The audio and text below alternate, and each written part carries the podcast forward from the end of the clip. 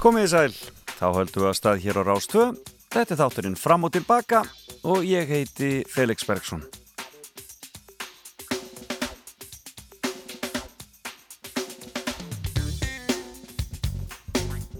Alveg hreint indælistagur hér í höfuborginni og um, já, um, gaman að vera sestu með ykkur hér. Ég fæ góða gesti í þáttin í dag og hún verður hér eftir smástund, hún Steinei Skúladóttir.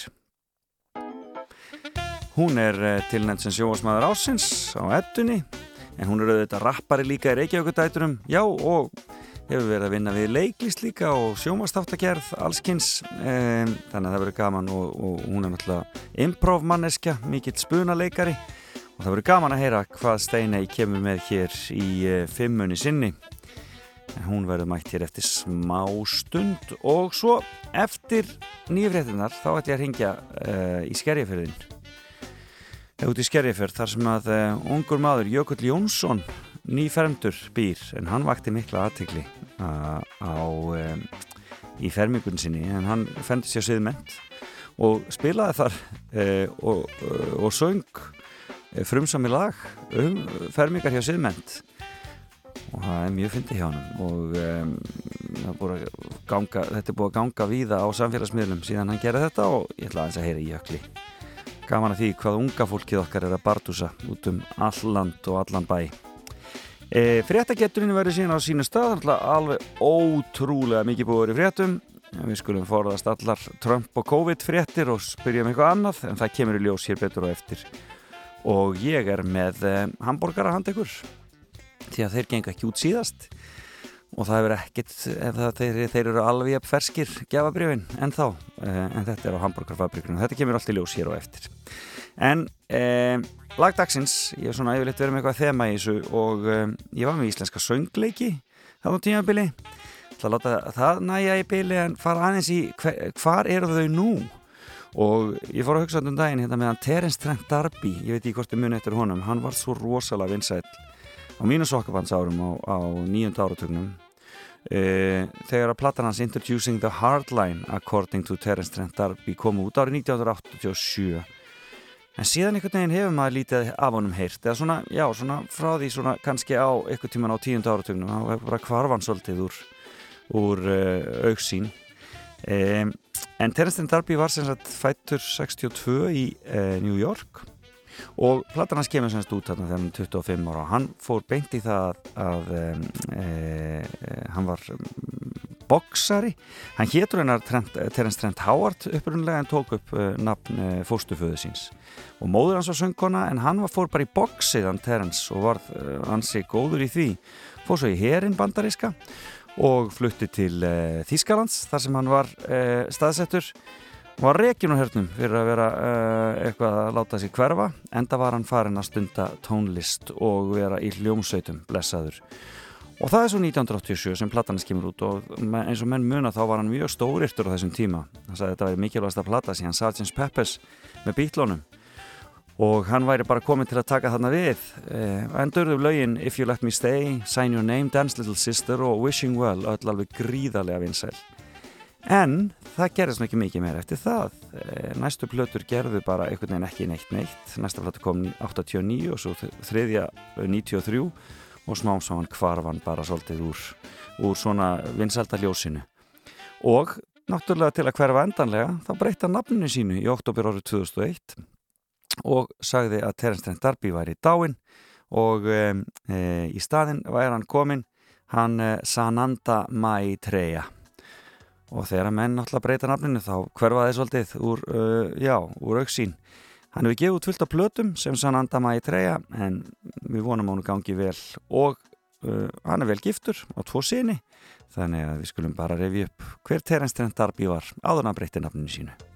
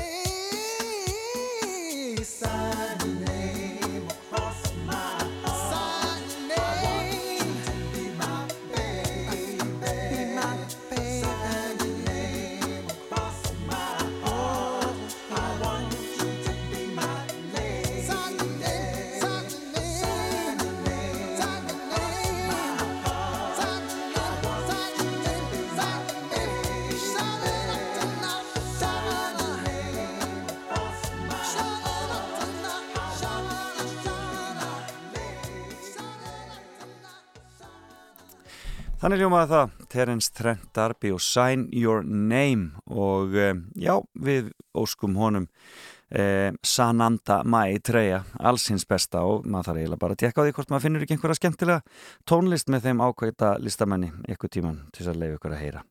En þá er hún sest hjá mér eh, Steini Skúladóttir sem er gestur minn í fimmun í dag, verður velkomin. Takk fyrir það. Það var þetta að skafa í morgun. Já, einmitt.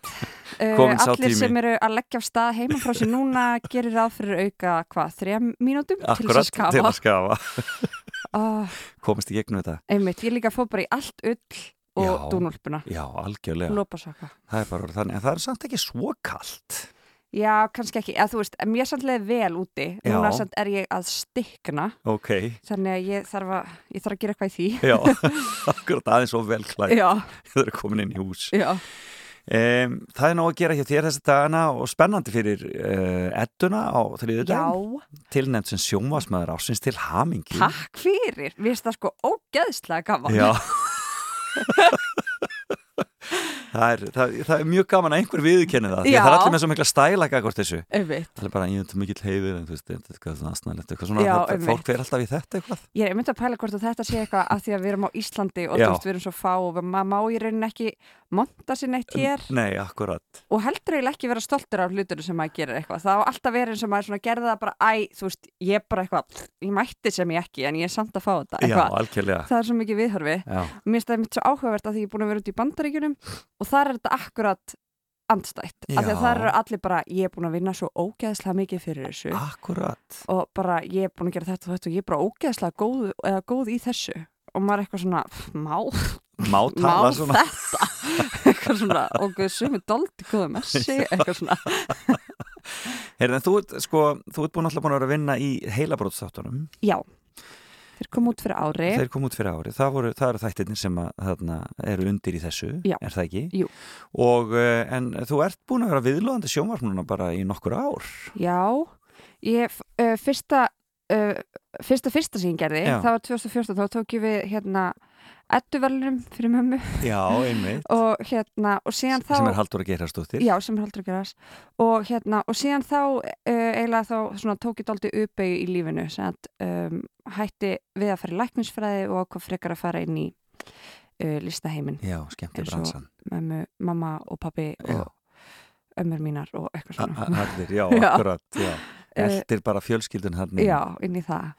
Og uh, þá fór ég svona uh, komst inn í hraðfréttir. Já, alveg rétt. Og var þar í tvö ár. Já, akkurat, þar byrjaði það. Þar byrjaði það, já.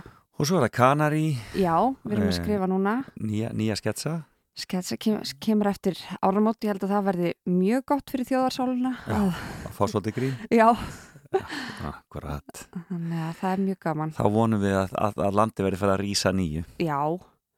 Ó, Vá, ég vona það Heyrðu, en við skulum rann okkur í fimmuna þína. Já. og hún er óvinnilegt því að það eru fimm máltíðir. Já, mér skrifta að hafa enginn gert það áður. Ég er bara mjög aðteglisvert Þetta verður líka, að því ég hugsaði, þetta getur líka verið svona inspiration fyrir fólk til þess að fara og elda þessar máltíðir. Já, þú meina það.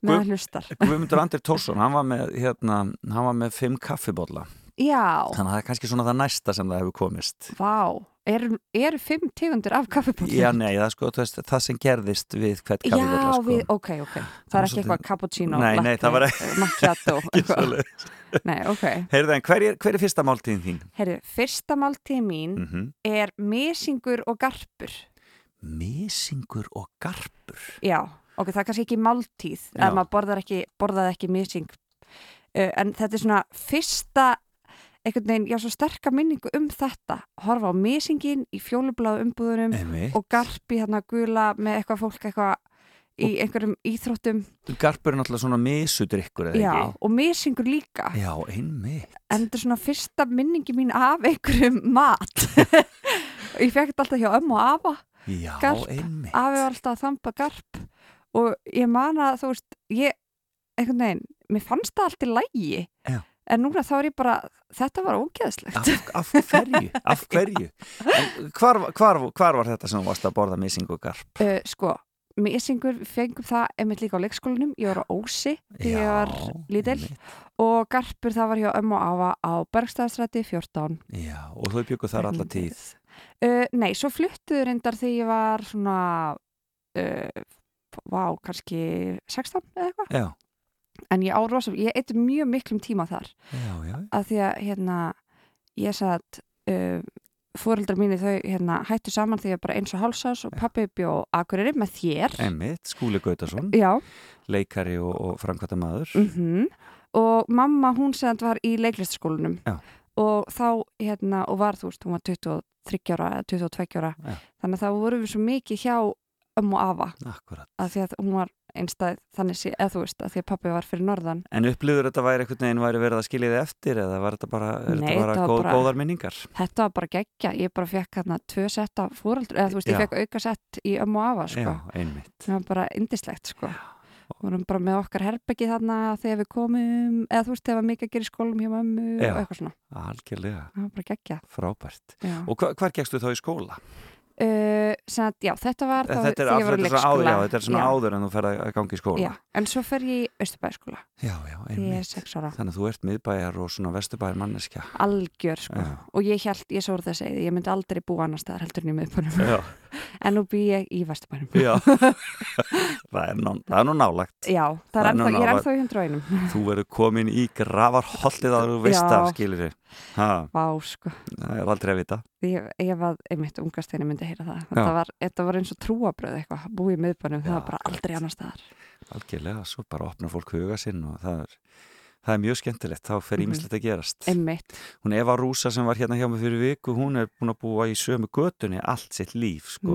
Já, í götu í sem hún er bara alltaf búið. en þau Og öll fjölskyld, já, hún býr bara svona, já, svona mamma og pappi er þar og hún er þar á rétt hjá og þú veist, þetta er bara, okay. það er bara allir í, í sömu, wow. á sömu torfinni. Það ok, ég er ekki alveg þar að þurfa að vera nei, sama gata Nei, en þú ert nálægt fólkinu þínu. já, Ég nefna pappa einum, hann er alltaf fyrir norðan að það ekki. jú, hann er á Hólmavík núna Já, einmitt, hann er menningastjóri á Vestfjörði algjörlega, Mhm. og þannig að stjórna þar. það var mjög gaman, ég fór á Vestfjörði í og ég fekk mjög svona special treatment Já, því að allir bara akkurat. dótti skóla gauta Akkurát. Heyrðu, það er hérna leini, eitthvað, sundlaug Já, það var Svona, svoleiðis, já. já, næðislegt. já, Þú segir mér frá svo eftir. já, Heyrðu, það sem afiðin hafði alltaf tilbúið fyrir þig. Já. En hvað kom svo? Hvað næsti, er næsta máltíð? næsta máltíð það er dálítið, þá spólum við dálítið langt fram sko. Nó, þá er ég orðin 17 ára Já. og það er í rauninni svona fyrsta máltíðin sem ég læra elda og þá uh, var ég sem skiptinni mig í mentaskóla og uh, bjó í Ástralíu og þá sagt, og bjó með stelpu, við vorum tveir skiptinni sem byggum hjá fjölskyldu ástralskri fjölskyldu nema þau höfðu eiginlega ekki tíma til þess að hafa skiptinema því þau voru aldrei heima. Já, þannig að við svona þurftum aldrei bara að læra að elda einhvern veginn og sjáum okkur sjálfur, þú veist við kunnum það náttúrulega, við vorum 17 Já. en þurftum að læra að elda. Uh, og hún semt var frá Dominíska líðveldinu þannig að þá kendi hún mér að gera svona tacos. Já, og það var, og trikkið er fyrir fólk sem vil fá uh, svona innblástur í, vil kannski gera tacos í kvöld það er að gera sko nautahakk mhm, uh, og gera sko grænak papriku mhm, og uh, lauk rauðlaug minni mig og hérna mjög smátt og svo hnóðaði öllu saman sett við kjötið og svo steikir maður það á pönnunni já, nóða það saman áður en þú steikir. Já.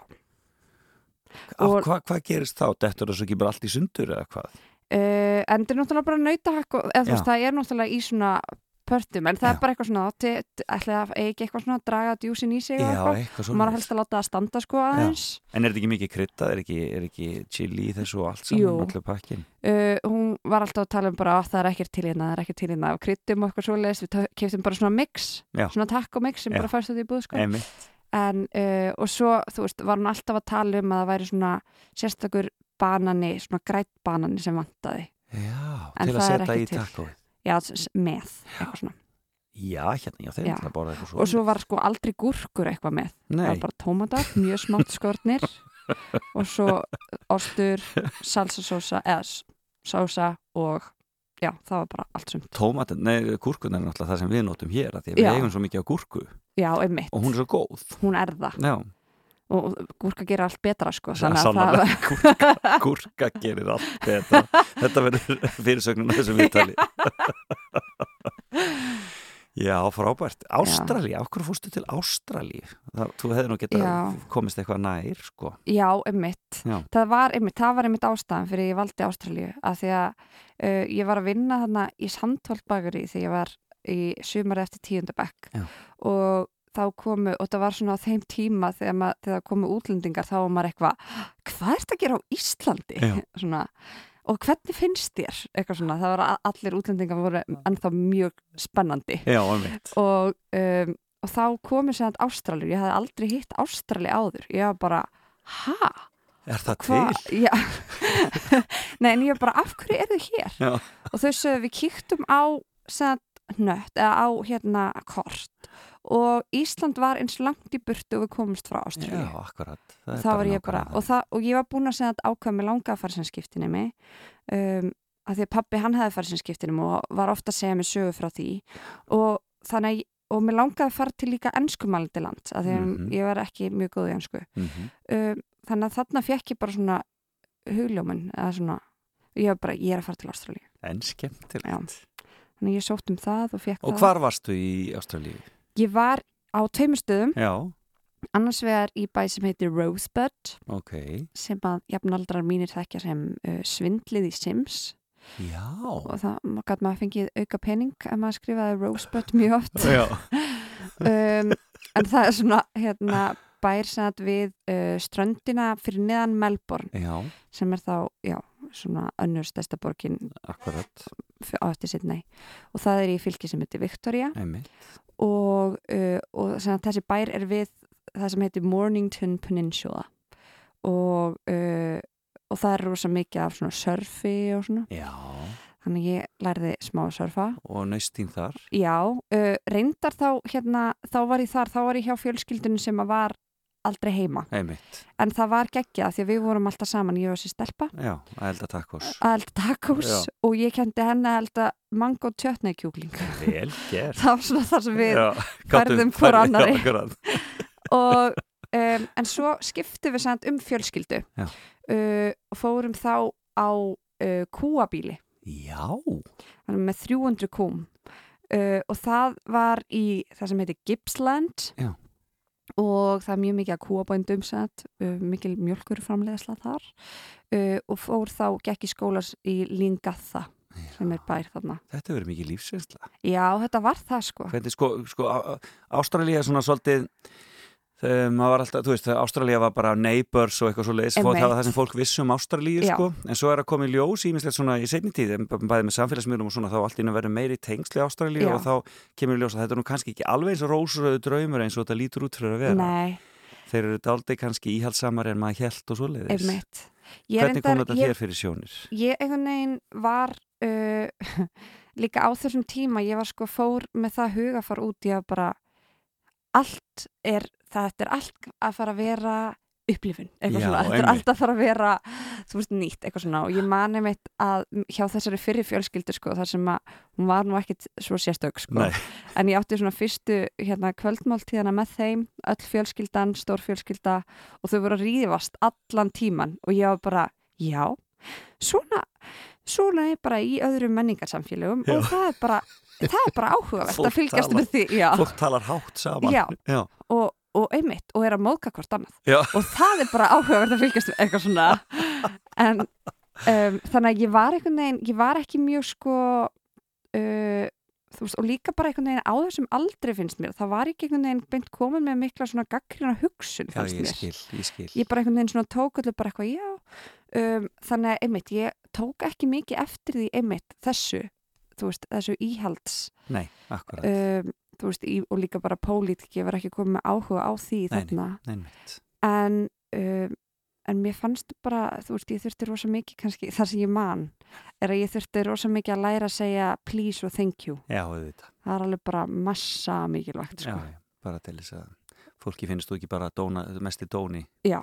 á plánutinni Já, og það, það var alveg bara þurft að taka svona smá intervention á mig, bara eitthvað, ertu þakklátt? Já. Eitthvað, já, en ég er búin að vera að segja eða þú veist, að því á Íslandi þá er þetta allt um hljóm já. eða þú veist, hvernig maður segir hlutina. Algjörlega en, þarna, Algjörlega en svo er það svo um eitt merkilegt með svona tungumál mismunandi tungumál, hvaða er mikil menningamunur í því. Mjög mikilvægt. Þriði, þriðja máltíðin. Já, þriðja máltíðin er uh, bara pasta Já. með svona tómatasósu, ekki tómatasósu heldur svona einhver tómatasósu sem maður kaupi, kaupi bara tilbúna Já. og uh, rifinostur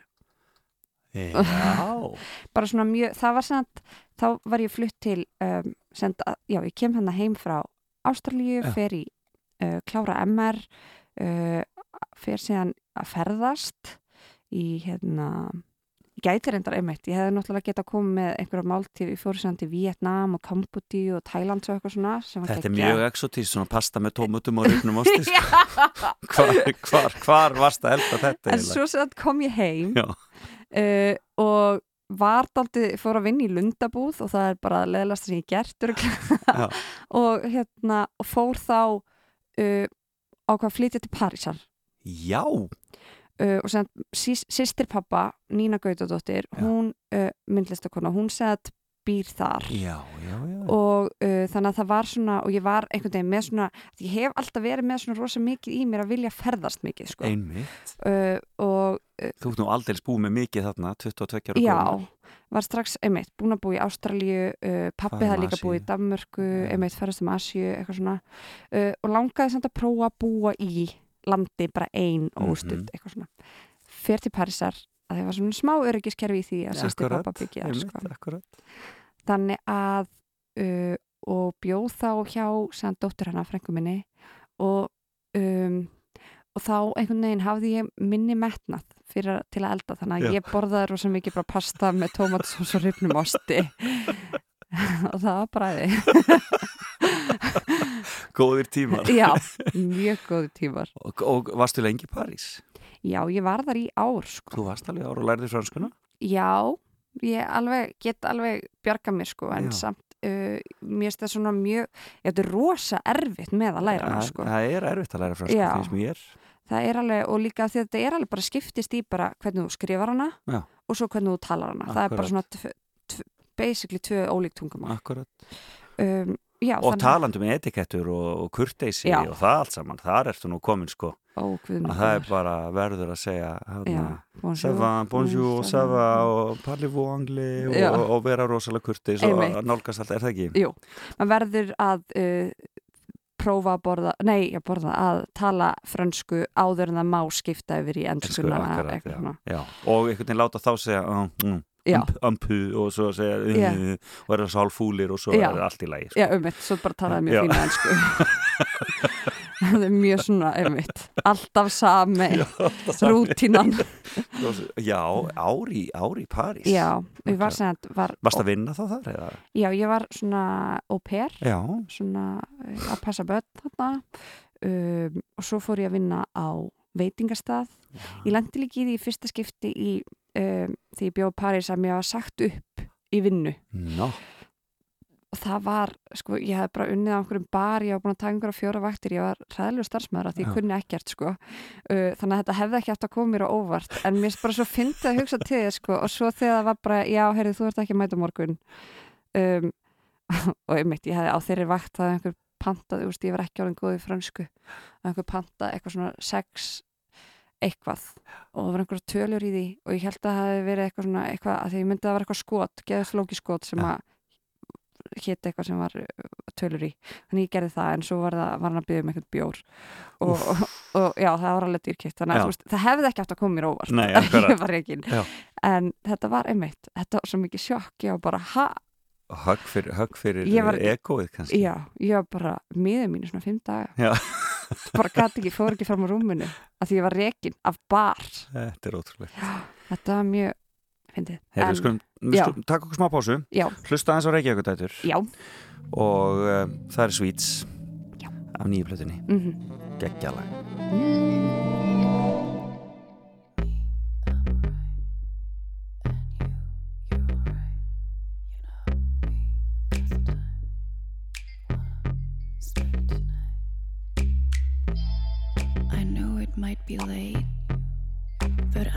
feelings too. So come and meet me. My roommate's out of town. You wanna come around? My TV broke down. You wanna stick around?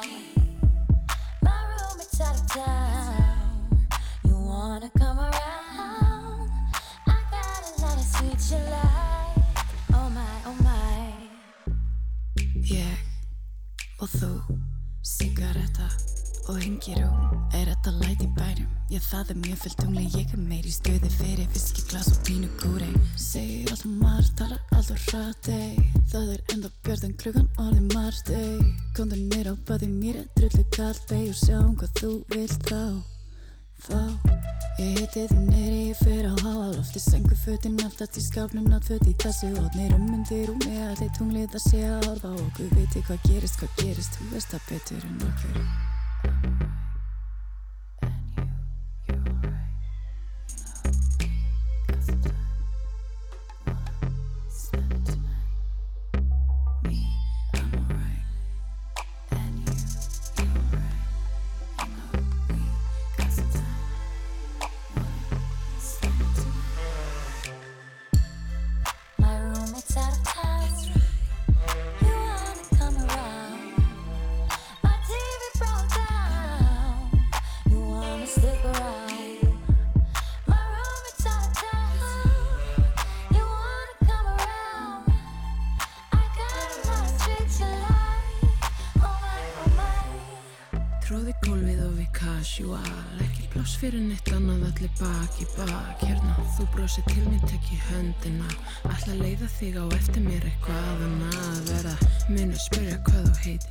Betra að vita þó við höfum slepp fyrsta deiti. Eitthvað við tróðningin tekur hittan og annars til langar að láta snerta mig og hér er þú. Uh. Fyrir en var þið komin tími til að fara út á stanum Við vitum bæði og þurfum ekki að veiði það orðum Búin að brjóta allan ís áður en á hrifin dofna og tagur ís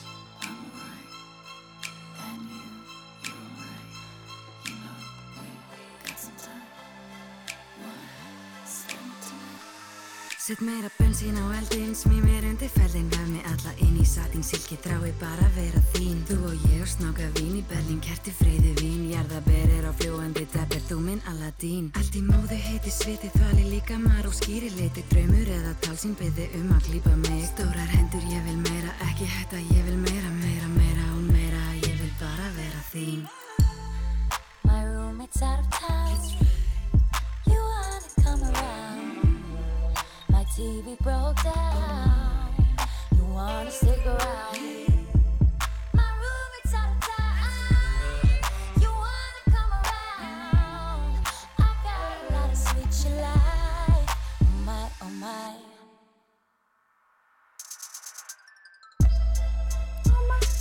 Ég, þetta er frábært Sweets, þetta er alveg hrikala flott poplag Já, Ha, varstu með, það. varstu með því að búa þetta til? sko ég kem voða lítið að því að búa til tónlistina Já, í akkurat. Reykjavík-dætunum af því að þær eru svo ég, já, mér finnst það kostur að ég veit hvernig ég er uh, ekki innsterk í hlutum og Akkurat. þá stýði til hliðar Já, og svo veit ég að ég er mjög góði til dæmis að búa til sjóin okkar já, og þá um, Þá og kemur sterk inn þar, og, og eitthvað svona pæli í orkubreitingum á sviðinu hvernig við náum Ah. áhörfundum inn og eitthvað svo Einmitt. Þannig að þá kem ég inn þar. Búin að horfa á mörg, marga tónleika hjá sníklabandinu Já, risa, að, er ekki sælunni Nei, ekki risaðilinu en, en hjá sníklabandinu En hjá sníklablandinu, já. já. Þeir eru geta nú alveg í Já, og verða eins og lítil, lítil leikrit sko. Og einmitt leitt ekki síst af Karli föðu þínum í Já. því sko. algjörlega. Það er ótrúlega skemmtilegt. Það er svo einmitt, það er svo mikið þetta að sko, einmitt, að draga áhörundur einhvern veginn inn. Já, það er, það er alveg, mér, já, mér finnst það mjög áhugavert þú ert ekki bara hljónst upp á svið að spila, spila, spila, þú ert Nei. einhvern veginn að, að þetta er svona einhver, einhver Já. interaction. Af því annars gætur þá bara verið að spila þú veist, fyrir myndavél og þú veist einhvern veginn, en af því að þetta er þetta þú veist, að vera með fólkinu þá er svo mikilvægt að pæli því bara hvernig getur maður virkað, hvernig getur maður Já. e, átt samtal, eða þú veist, þetta sé sameiginlega upplifun, Algjörlega það geggja sko Hún situr hjá mér hérna Steinei Skúladóttir, Reykjavíkudóttir, sjónvaskona og já, bara leikkona eiginlega. Já, Það má eiginlega segja það. já, mjög mikið af fólki kalla mig það sko, Já, leikonu, þó þú sést ekki útskrifuð. nei Svona er þetta. En þú ert búin að taka fullt af námskeiðum, sérstaklega í, Í í, spunanum, spunanum. já. En e, sem hendar mjög, mjög vel að ég er mjög lélega að læra texta uh, en ég er alveg þokkalega góð leikona sko, ef ég er bara svona on the spot, þú veist, bara upplifa tilfinningarnar as they go, sko. Já, akkurat. En Einmitt. ég ber mjög mikla virðingu samt fyrir svona klassíst mentuðum leikurum eins og þér. Já, Að því að, já, að því að uh, ég fór í svona pröfu í sumar fyrir uh, sjónvarpsirju og þá þurfti ég að læra texta og mamma var að senda hjálpa mér, haldur að gera stöttir og uh, hún var einmitt að sína mér bara eitthvað, já, fyrir hverja setningu þá þarfst að vita bara hvað þú ert að finna. Já, og bara hér ertu, þú þarfst að, eða, þú veist, hún var að, ég veit ekki, einhver aðferð já, sem já, fara með þér í gegnum þetta. Já, bara eitthvað þetta, þú veist að finna eitthvað úr þínu eigin lífi og þú veist vera tengja við þá tilfinningu þegar þú segir þetta. Þannig að það fái dýft og þú veist að verði persónulegt. Og ég var bara, þetta verður rosa mikil vinna. Já, að, þú veist, þetta, ég var með kannski þryggjablasina senu og þetta var bara ro- þú veist, svo kannski fólk bara með heila þú veist, marga þætti og bara ég bara, eins og ég segi, þetta var daldið svona, já, en gott að vera með prófessor úr listaháskólanum svona on the side, svona til að hjálpa til. algjörlega Heyrðu, við erum að fara í gegnum fjórar mál, nei, fimm máltíðir, eða, það er fimmann þín mm og við erum komin að þeirri fjórðu. já, við erum komin að fjórðu. fjórða? uh, fjórða er frúttsúpi og það, já, Frúktsúpe. frúttsúpi, já það er einmitt tengt Reykjavíkudætrum Mm. ég samt byrjaði, var hluti af Reykjavíkudætrum 2014 Já, uh, sem að líf mitt aldrei svona umþurnaðist þegar ég hætti við að fara læknisfræði og fór yfir í listar, List, já, akkurat. listabrautina um, og ég Fórstu þá að mæta á rapp konu kvöldin? Nei, Rapp, Já, ég mætti á þau sko og mér fannst þetta alveg geggjað sko en svo hugsaði ég, já, já, þetta er nú að fara líðundi lok ha, þetta er nú bara svona búbla þarna og svo er þetta búið núna. Uh, og en hérna vinkonu mín að Blær og Sigurlusara þær, uh, við vildum samt sækjum í skapandi sumastöru mm í Reykjavíkuborg og þær vildu rosa mikið af því að þær voru báður í Reykjavíkudætrum þær vildu uh, sækjum sem rapphópur. Já, einmitt. og ég bara stelpur, ég, ég hef aldrei rappað á æfinn, ég er ekki að fara að gera það. En þær uh, voru að segja bara hei, þú veist, við vorum allar þar en þú veist, svo bara gerir maður þetta og Já. bara hefur gaman að því og þú veist, einmitt þetta að meiga vera ófullkomin og bara, Já. þú veist, hafa bara gaman Já. og þá var ég eitthvað svona, ok, það er allavega jú, jú, ég get svo sem alveg rappað frekar en að ég veit ekki, vera að vinna á einhverju kaffuhúsi eða eitthvað í sumar uh, það var basically hugsunin hjá mér þá Já, já, og svo fengum við þetta og þá, þú veist, þá einhvern veginn einmitt var ég bara komin í þessa stöðu bara, jæja, og nú verður þú bara gjöru svo vel að rappa. Að taka stökkið. já, Og þá og byrjaði það. og, já, og þá bara það, já, ég byrjaði líka á spunanámskeim þetta sumar, við Sara sóttum um að uh, að vera sem, uh, með þáttinn framaputt uh, fórum að fund með sagafilm, það var þarna um vorið. Uh, og svo frétti ég út á götu að rafþrétta strákunum væri að leitað uh, stelpu í þáttinn sinn. Þannig að þá fór ég að senda þeim e-mail. Um, þannig að já, það gerðist einhvern veginn allt þa- þarna á nokkra mánaða skeiði En skemmtilegt. En Já. frúktsúpan, hvernig? Já, ávaxtasúpan? frúktsúpan. það var síðan þrejum sinna, þá Já. 2017 þá vorum við samt að spila Reykjavíkudætur á tónlistarhátti í Færiðjum Já, sem heitir G-festival Já. sem var mjög gaman uh, nema að, uh, að þau voru svo margar þá voru- voru við látnar gista í skóla á Já. gólfinu og það var uh, í hérna Göta heitir hérna já, já, það sem Þessi- festivalið er það haldið. já, Já, uh, nema það er ekkert í kring. Það er, það er ekki bensínstöð. Það er, það er ekki sjöpa það, er bara, það var ekkert í kring um þennan skóla. Þannig að við vorum að verða hungurmorða uh, og við fengum einhvern svona þú veist frá festivalinu uh, og, sem kom og sótti hérna einhver af okkur sem ætlaði að fara að kaupa í matinn Já. til þess að koma með og Já. Blær sem fór og hún var í, í hérna búðinni og hún fekk svona smá panikað smá því að margar af okkur voru hérna græmmitisættur og vegan. Og hún var bara það er ekkert hérna sem að er vegan. Já Þannig að eina sem hún fann- allt einhver, einhver, einhver kynnta afurðir náttúrulega og eitthvað já. þannig að hún, eina sem hún fann var eitthvað sem hétt frúktsúpu sem var eitthvað svona í brefi, eitthvað svona þurrt sem var að blanda saman við heitt vatn og kom sem með þetta og þú veist, kom alveg líka með eitthvað brauð og álegg. já. en bara þetta, þetta situr alltaf við erum ennþá að gera grína þenni bara Já, frúkt, hvernig frúktsúpunni, hvernig datt henni í hug? Að einhver myndi vilja fá sér frúktsúpu en prófuðu þannig samt. Nei, ég held ekki eins og ég held Já. að þetta hafi bara staðið þarna. Þetta Já. var bara, nei, þetta er ekki fyrir að gerast. Þetta er ekki fara að gerast. Það var, var fjórðamáltíðin Já, það var aldrei svona líka bara þetta, þú veist, við að vera tónleikaferðalögum og maður fær alls konar einhvern veginn mat, maður kemur í nýtt land og fær mat þar og uh, ég manni mitt við vorum í Slovaki einhver tíman og þá er bara, þá eru sett svona uh, hvað heitir það uh, svona byrkifræ Já, á bara allt. Já, einmitt. bara, já, og öllu mat þá eru byrkifræ Já, í í Það, Slovaki það er bragðið sem þeir vilja.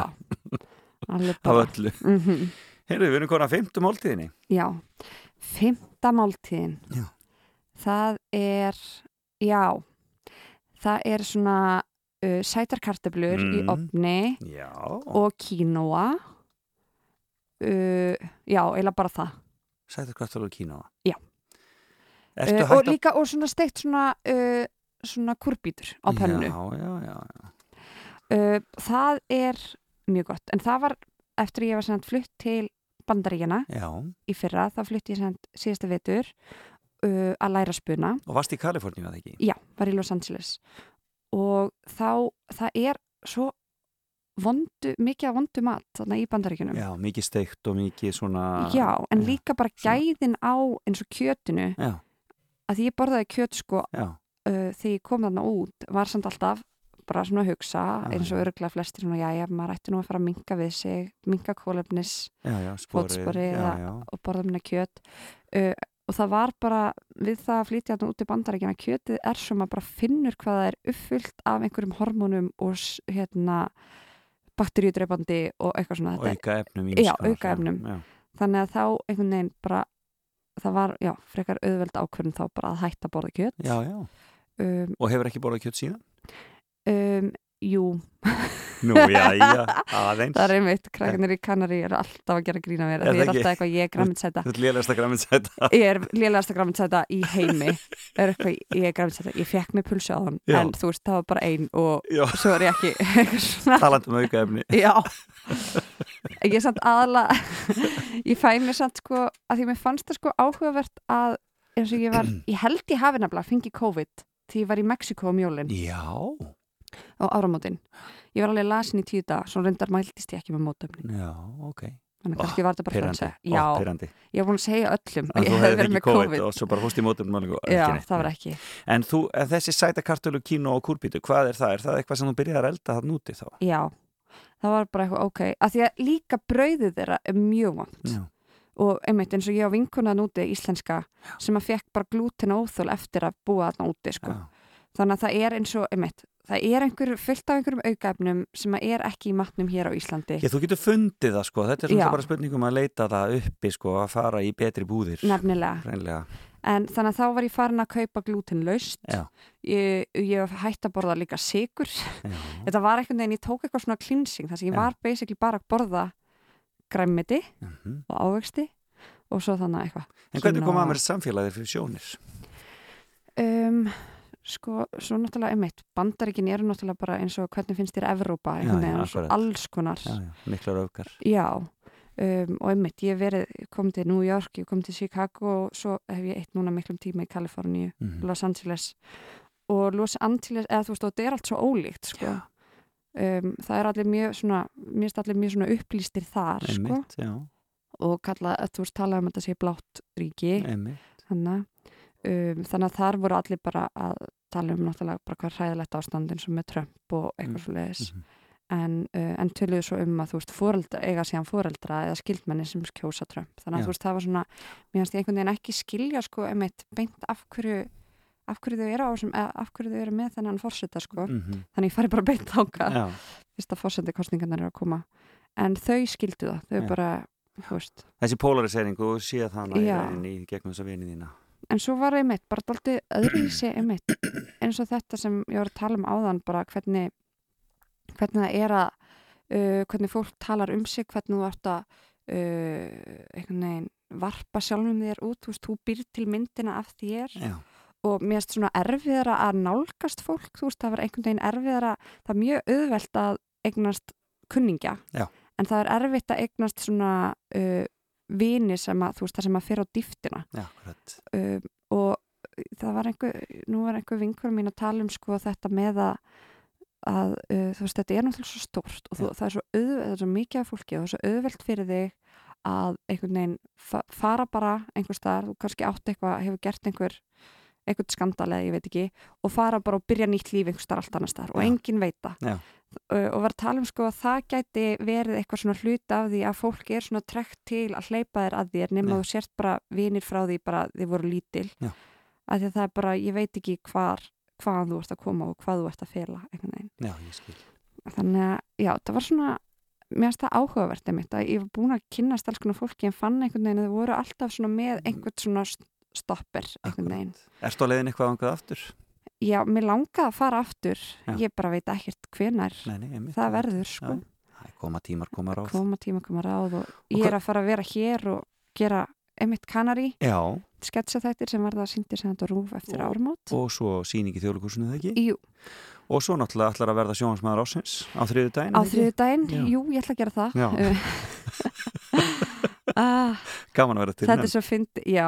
Og svo sko, mér finnst það mjög gaman og svo sá ég nefnilega að því að ég sá þarna á hvað 15 daginn þá var allir að fá tilnæmningarskjölu og svona glemtist að láta mig vita að það ætti að vera. Ég myndi sendi skilabúð á þig til að hafa þetta. líka með þína tilnæmningu Svona, takk fyrir. En, svo, en, þarna, en þetta verður semst á daginn og kemur allt betur í ljós. já, en ég ætla að Mm. segja sko að ég sá að það var allir að fá tilnæmningu og það var ekki búið að láta mig vita þannig ég er búin að sirkja það að fá það ekki sko. Já, ég skil. að ég er bara, að já, ok, þetta hafa bara verið þeir sem unnu eða eitthvað svo leis En nú Þannig- ertu búin að sækja umslæð og láta taka þér mynd Já. og svona? Já, gott séð þér. þannig að, og nú ætla ég, einmitt, er að njóta þess að fá öll lækin á Facebook að, að því að, einmitt, mér finnst það svona stundum daldið asnalegt þegar maður er eitthvað svona að, einmitt, á Íslandi að vera eitthvað svona stoltur af sér það er einhvern veginn stundum ekki alveg samþygt Nei. en nú er ég eitthvað, jú ég er bara mjög stolt af þessu, að því ég er bara búin að vinna mjög hart fyrir þessu algjörlega. Frá 2014, Já. eins og fram hefur komið.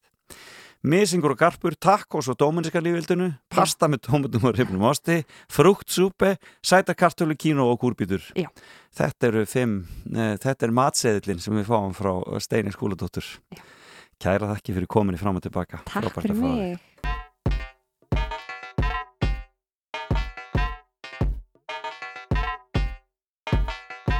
Ég vil hafa þetta massa að kalla. Ég vil hafa þetta sköllótt að kalla. Þessi pínlillu forriku kallar Ég elska á alla. Ég elska það alla. Kalla mig hvað, kalla mig hvað? Kalla mig hvað, mig hvað Kalla mig hvað, kalla mig, kalla mig, kalla mig.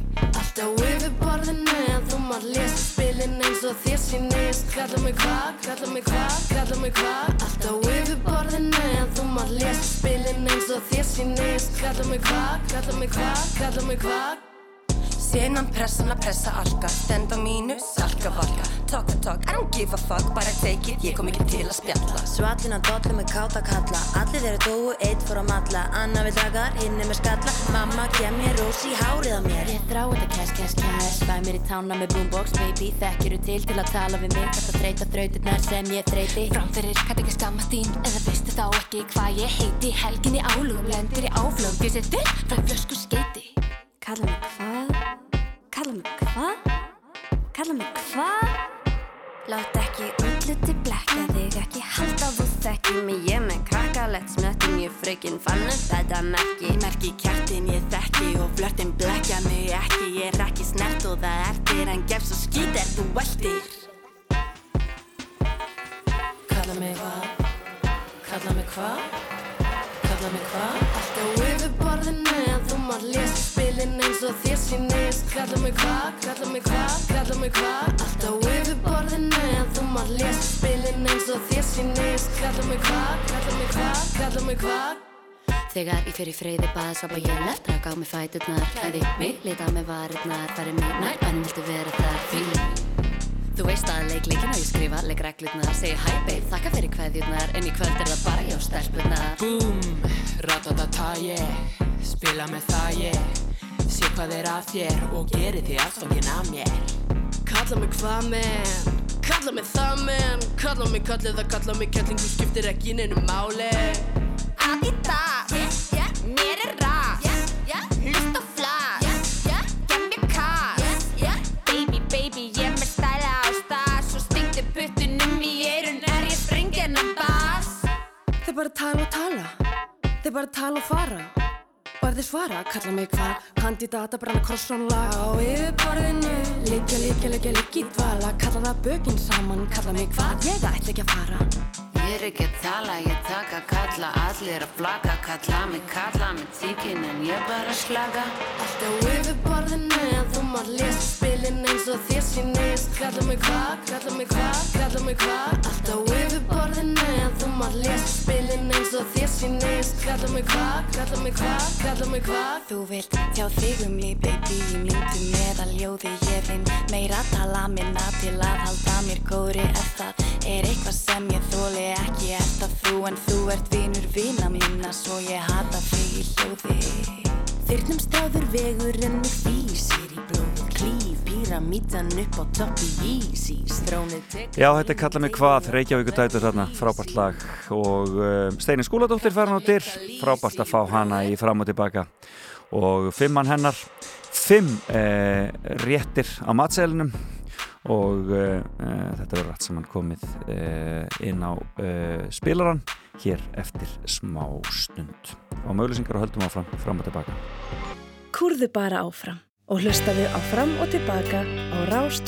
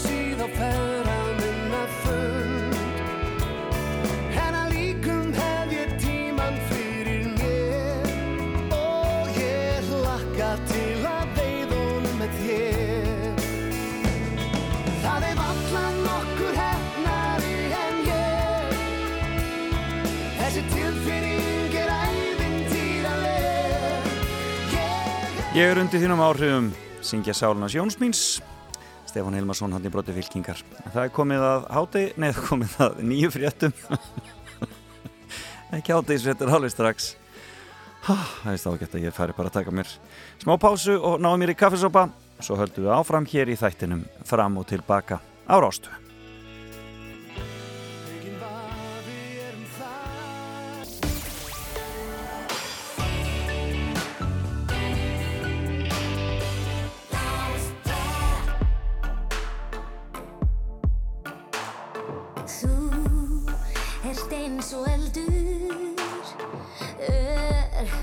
og stundum viltur en hvað með það? Já, hvað með það?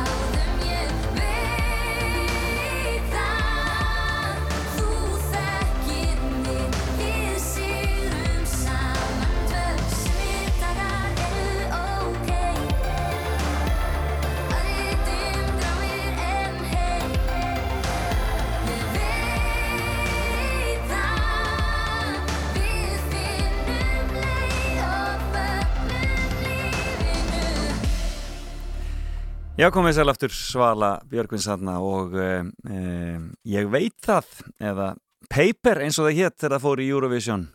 Alltaf gaman að rifja þetta upp. Frábært lag hjá Svölu og hennar fólki og um, það var svolítið skemmtilegt uh, að hún vildi náttúrulega alltaf syngja lagið á ennsku en þessi útgáfa, þessi íslenska útgáfa hún var bara hansi vinsæl sérstaklega meðal yngri barna á Íslandi uh, en það tekstinn príðilegur frá Stefáni Hilmarsinni Já, þið eru að hlusta þáttinn fram og tilbaka, þetta er Rás 2 og eh, ég heiti Felix Bergsson og Steini Skúladóttir var gestur minn hér í fyrirluta þáttarins, fór með mér í fimmuna og um, hún var mjög aðteglisverði á henni, það voru fimm máltíðir, svo fyrsta var Mesingur og Garpur, tengdist uh, bara leikskóla árunum, tacos á dómaniska lífveldinu sem hún var að borða í Ástralíu, pasta með tómatum og ripnum osti, það var í París sem hún var að borða þetta, frúktsúpi eða borðað ekki með Reykjavíkudæturum á tónleikaferðalagi í Færiðum en í eh, Los Angeles borðað hún sætarkartöflur kíno og kurbít smekkmanneskja Steinei Skúladóttir. Og um, hér eftir smástund þá ætlum ég að ringja í hann Jökul Jónsson fermingabann um, sem að vakti mikla aðtikli í uh, fermingar uh, aðtöfn siðmentar sem að flutti frumsamilega og svo er fréttageturinn hér eftir hálf og þá fáðu þið nú tækifæri til að ringja og láta ljóseikar skína. En hér er Nick Cave. I don't believe in an interventionist God.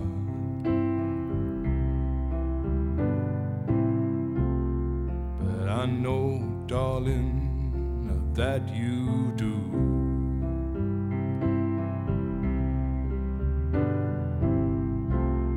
But if I did, I would kneel down and ask him.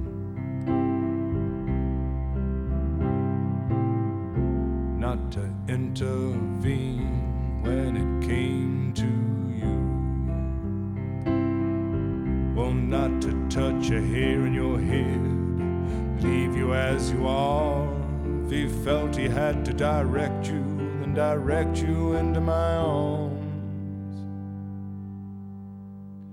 Into my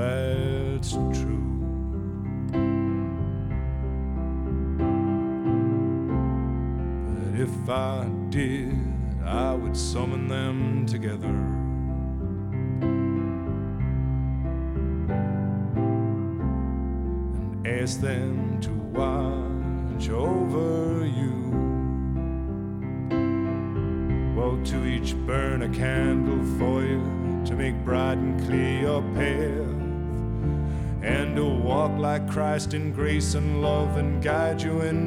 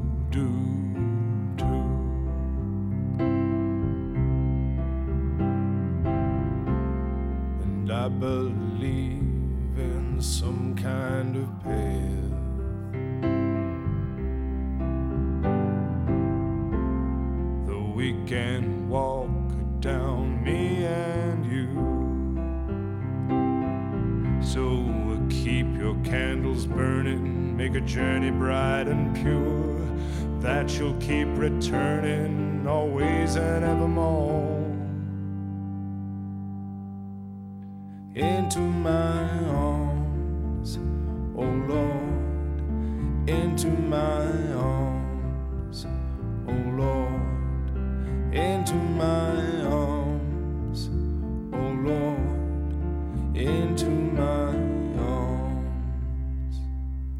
Þetta er náttúrulega algjör snilt. Nick Cave, Into My Arms. Förum að ringja í eh, skerrifjörðin hér eftir smá stund. Kúrðu bara áfram og hlustaðu áfram og tilbaka á Rás 2.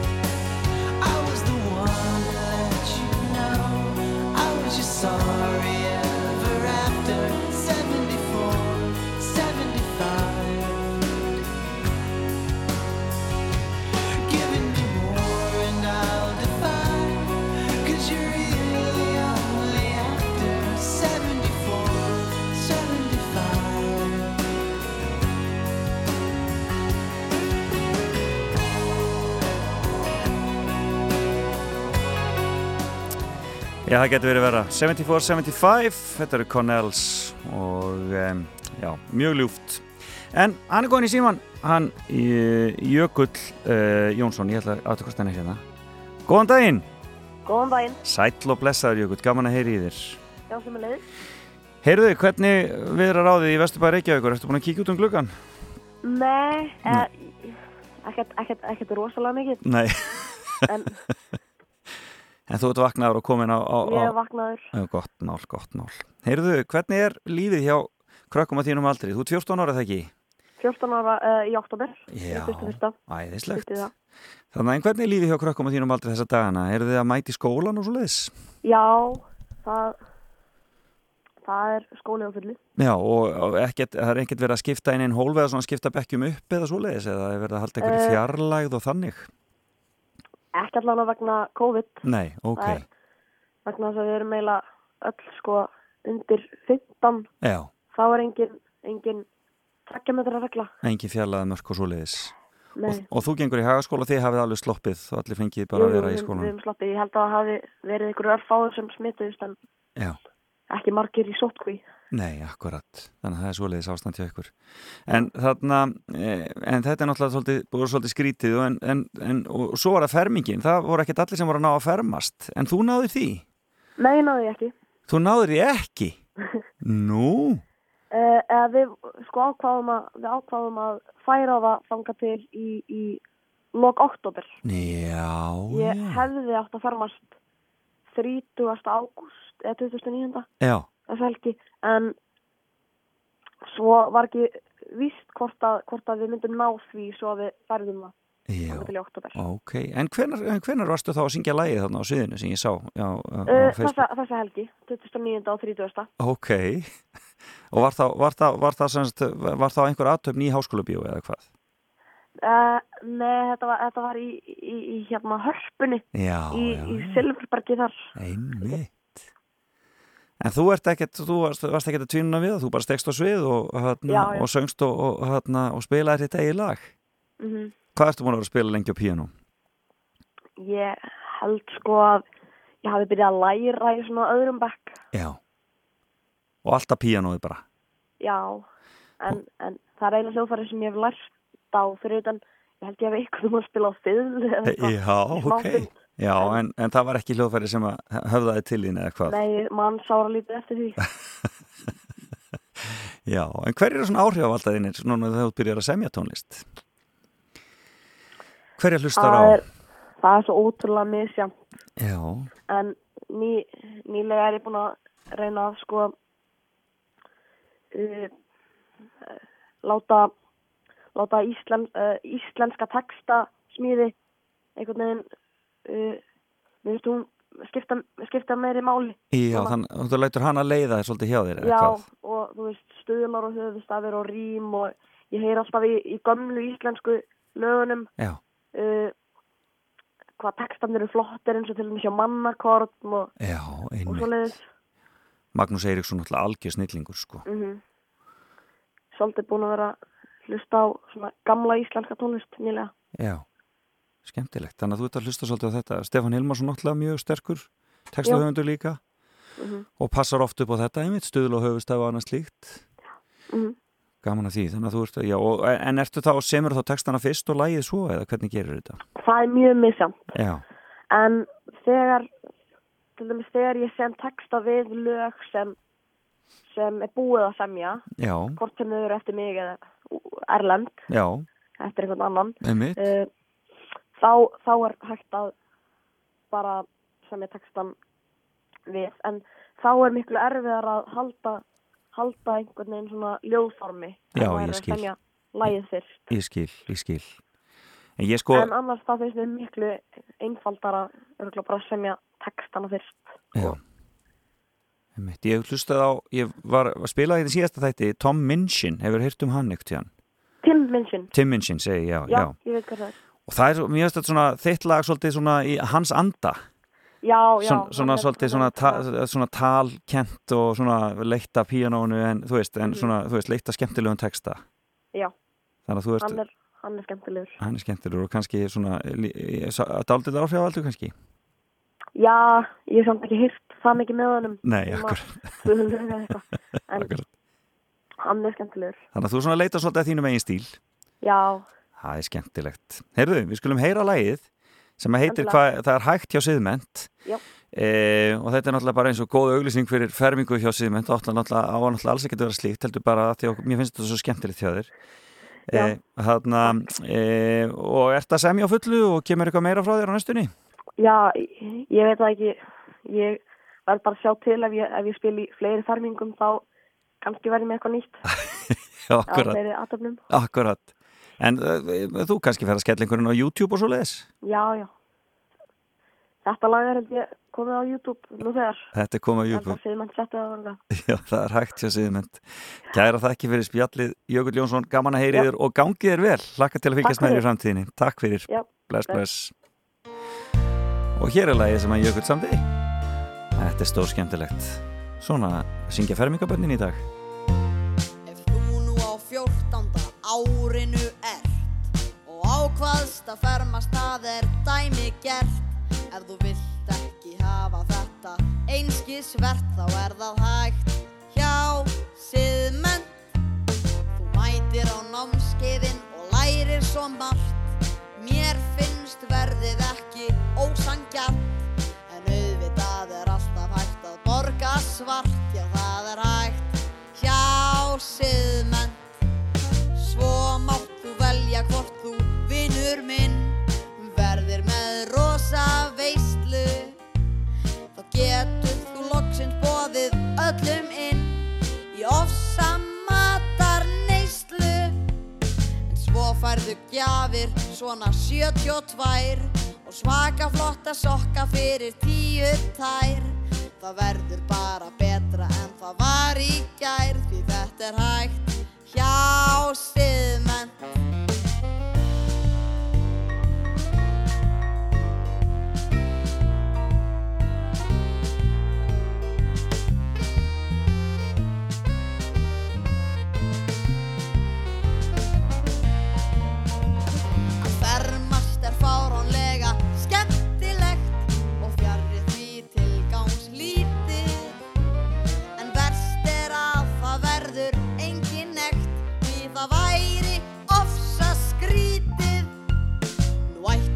að skilja elsku vinur minn.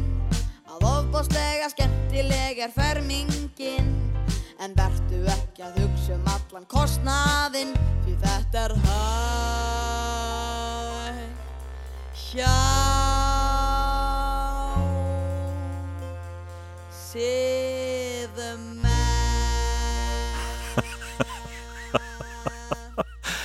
Þetta er mikill snillingur í uppsiglingu. Þetta er algjör snil. 13 ára gamall Jökull Jónsson þarna að syngja ferminguna hjá Siðmend. Já, þetta er svona að fermast er fáranlega skemmtilegt og fjarið því tilgangslítið en verst er að það verður engin nekt því það væri ofsa skrítið. Ég meina svona, þetta er dýrt orð. Það verður nú bara að segjast eins og þess. Ég vissum að Billy Joel er einn af áhrifavöldum þessa unga manns. Ef ekki þá hveti hann til að hlusta á hann en eh, við förum að renna okkur síni fréttagetun hér í fram og tilbaka.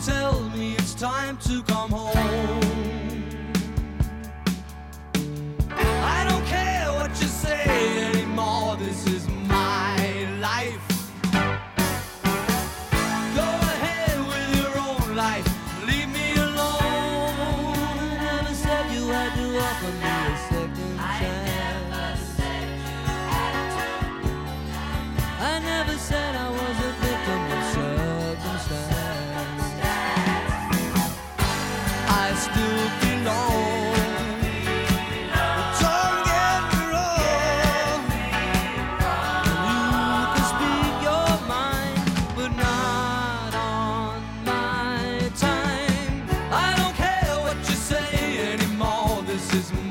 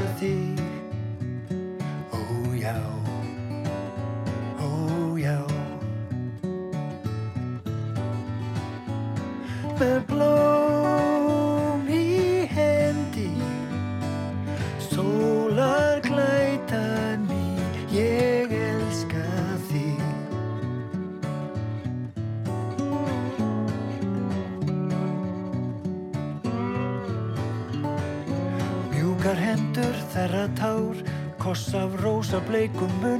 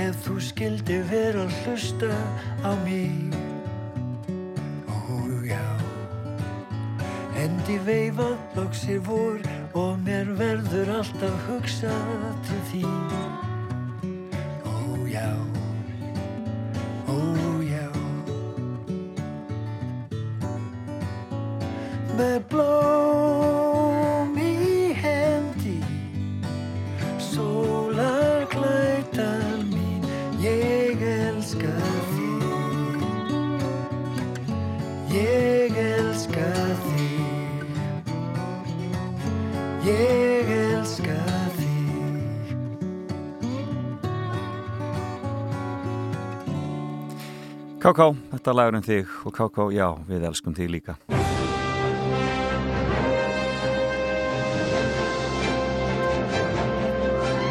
Og þá er símin opinn 5687123 5687123 Það er komið að frétta getraun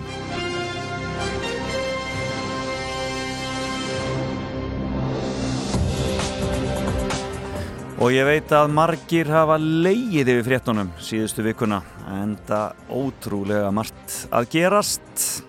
Það er nú yfirleitt þannig að haustin eru mikill fréttatími, ég menna þingið er að byrja og það er allskins fjör í gangi, nýtt fjárlega frumvarp og svo leiðis, en svo er eitthvað annað sem að gerir fréttinnar en merkilegri þessa dagana. Það er allt vittlust bara hreinlega fórsetu kostningar í bandaríkjónum og það allt saman og svo auðvitað blessa COVID en við skulum reyna að forðast það í lengstu lög og það er hann Átni Freyr Magnússon sem að hjálpaði mér við að koma þessari fréttageturinn saman en við skulum heyra í fyrsta hlustanda og ég segi góðan og blessaðan daginn Já, góðan dag. Góðan dag, hvaðan ringir þú? Ég ringi úr henni Reykjavík. Já, sætla blessaður Heyrðu, þá skulum við reyna okkur í þetta þú fylgist vel með fréttónu, ger ég ráð fyrir Svona, þokkalega. Já, já Heyrðu, í vikunum voru hugmyndir í fréttum uh, hugmyndir í fréttum um að reysa stittu af íslenskum íþróttamanni í lögardalum.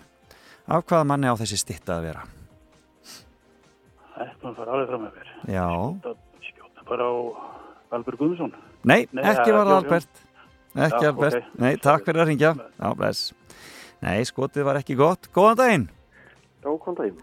Veissir þú hver átt að vera á þessari, að, að stitta hverjum? Er verið að tala um hana? Það er að Jón Pól. Jón Pól.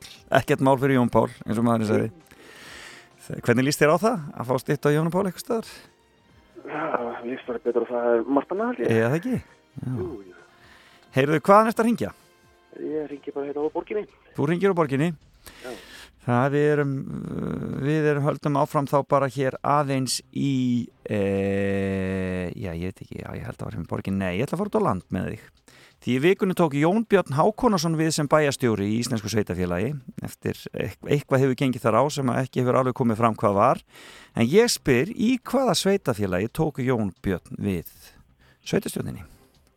Eða bæjastjórninni sem bæjastjóri?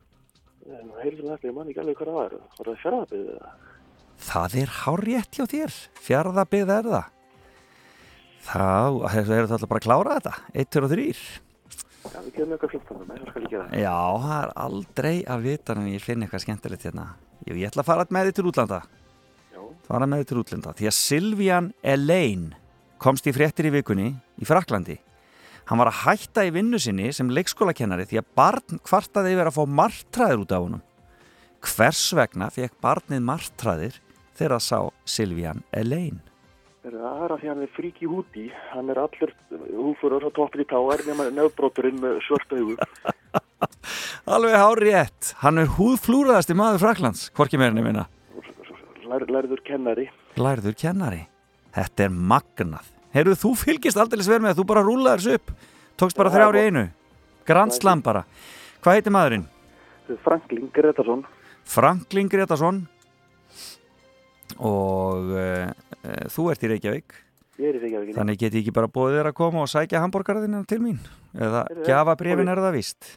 Ég gerði það, ég renni bara við hjá okkur. Þetta verður hérna í efstaleitinu og býður inn hérna í móttökunni og hérna, þú kemur bara vel sprittaður og búin að þóður um hendurnar og kannski með grímu.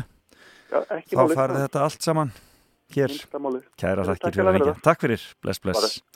Já, Franklin var það Gretarsson sem tók þetta með tilþrifum. Ég átti nóg eftir Nagorno-Karabakh og ég veit ekki hvað það dóttur belgiska konungsins, Taylor Swift og já, já, allskinn skemmtilegt. En svona er þetta. Ragnar Jónasson var það líka. Já, já, þetta bara, það verður næst. En að því ég var að tala um þetta við hann, Franklin, þá er ástæði til að hvetja fólk til þess að nota grímur nú.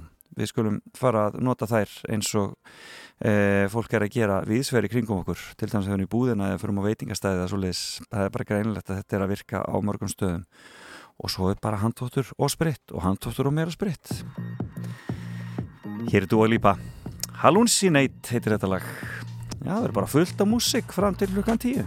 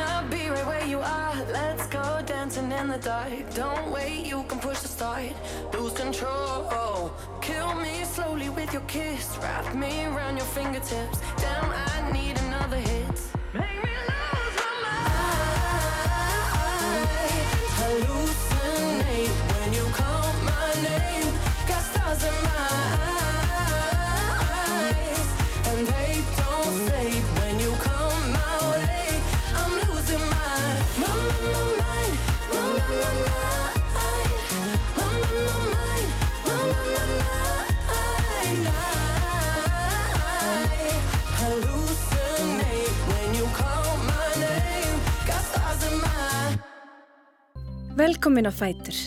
Fram og tilbaka á Rástfö. Já, þeir eru að hlusta fram og tilbaka. Og þarna var minnst á heilarhesting. Það verður hér eftir háttegisveitnar en fyrst eru það Gísli Martin og Björg sem verða hér svo eftir mér. En við fáum fullt að músik þanga til. Hér er Múksefjun og hér fara á bara dag eftir dag.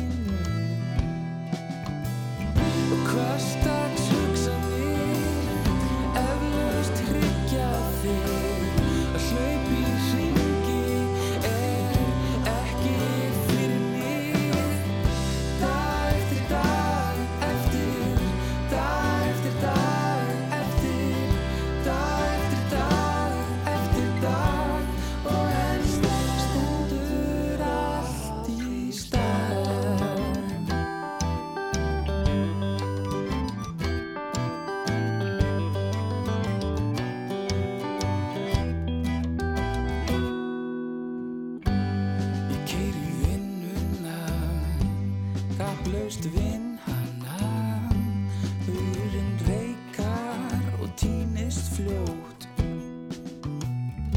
Star á klökunar, skildum vera döið Svon er það líf.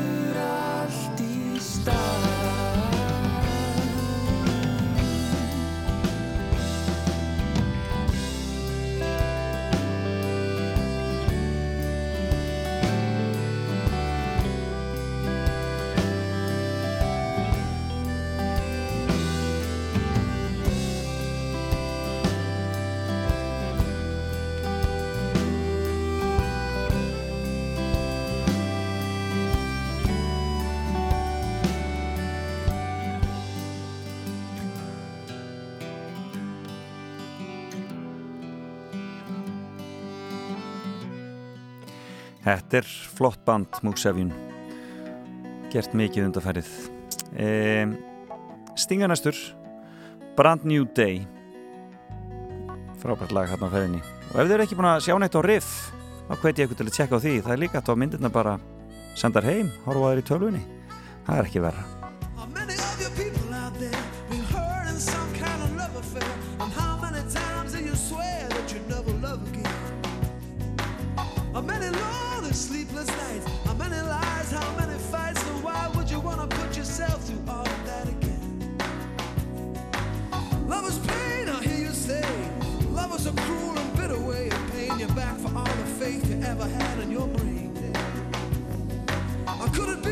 what you need the most can leave you feeling just like a ghost. You never want to feel so sad and lost again. One day you could be looking through an old book in rainy weather. You see a picture of her smiling at you when you were still together. You could be walking down the street, and who should you chance to meet?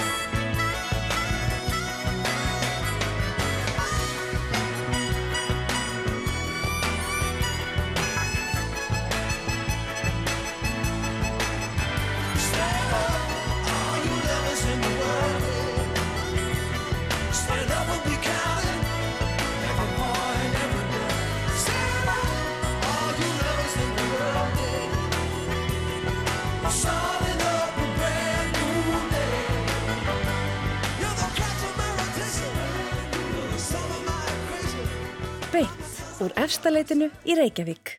Fram og tilbaka á Rástfö.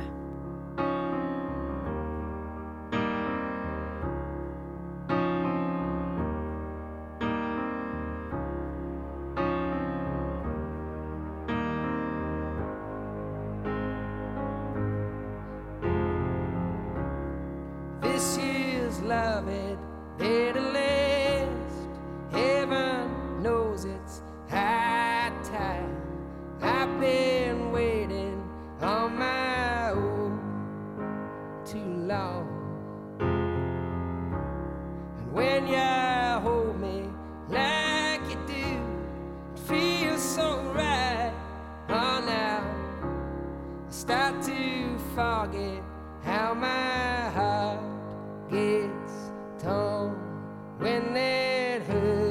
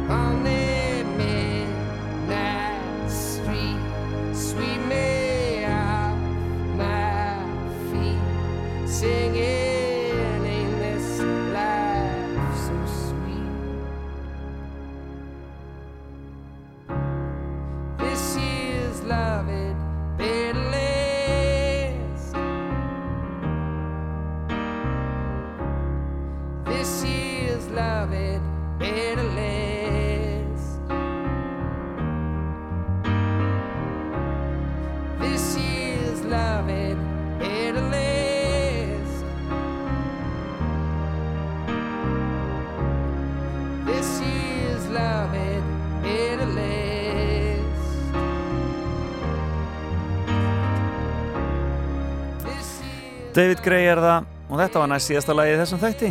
Og það er gaman að sitta með ykkur eins og alltaf hér á laugardagsmornum núna. Og uh, gestur minn í morgun Steinei skúladóttir frábært að fá hana hér í hús og heyra fimmuna hennar sem að voru uh, já, ímiskonar uh, já, mat, já, ímiskonar réttir. Fimm máltíðir sagði hún. Og um, svo heyrðum við nú Jökli Jónssoni í Vesturbænum í Reykjavík og heyrðum lag með honum hann er 13 ára, frábær. Og svo var það frétta geturinn og það var e, e, það var e, hann Franklin Gretarsson sem kláraði hana. En eigum að klára þetta á fjörnótunum? Áður en að Gísli Marsteinn og Björg taka hér við með sitt lögadaskaffi e, það e, eru þeysararnir þetta er Rudolf Felix Bergsson takka fyrir sig í dag. Heyrumst aftur eftir viku